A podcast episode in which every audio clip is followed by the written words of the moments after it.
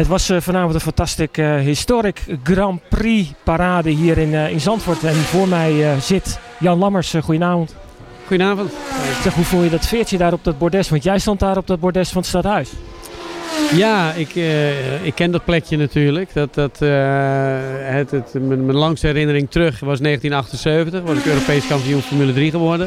We hebben de daar gevierd. Het was hartstikke leuk. Het was Arie Luijendijk, een goede vriend van me. En tweemaal in die 500 winnaar. Die was er toen bij. Dus dat zijn hele leuke herinneringen.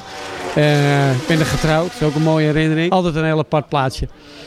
Um, die Historic hoe is weet jij toevallig hoe, wanneer dat ontstaan is en met welk idee? Nou, het is zo'n zo twee jaar geleden. Toen, toen, uh, ja, toen, toen, toen raakte het eigenlijk. Uh, toen kwam er een vonk vrij dat men zich toch wel begon te realiseren van nou, toch een enorm potentieel.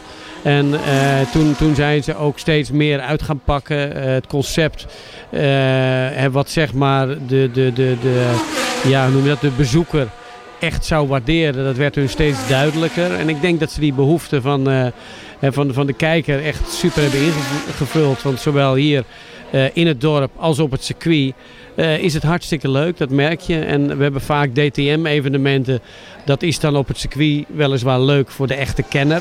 Maar hier in het dorp merk je daar niks van. En dit is echt een evenement wat zowel voor het dorp als voor de mensen op het circuit, de deelnemer, de toeschouwer, alle betrokken partijen hebben hier gewoon een voordeel eh, van en plezier van. En dat is denk ik het succes. Even tot slot, hè. we hebben natuurlijk nu weer de euforie van de Formule 1 van Verstappen. Hoe, hoe goed zie jij die kans en schat jij die kans in voor hem dat hij uh, behalve nu in de top 8 misschien helemaal vooraan bij de top 3, de plaats 1 tot en met 3 komt dit seizoen al? Nou, uh, dat is eigenlijk heel simpel. Als hij, een, uh, als hij een auto heeft waar hij de races mee kan winnen, dan zal hij ze ook winnen. dus zet hem morgen in die Mercedes en overmorgen wint hij. En, uh, en een paar maanden later wint hij dan een wereldkampioenschap. Dus uh, ik bedoel, uh, om, om nu te gaan zeggen van nou Max wordt een hele grote.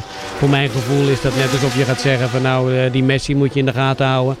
Kijk, je kan autoracen of je kan het niet. En wat Max heeft laten zien is gewoon van, van, van, van verrassende hoog niveau.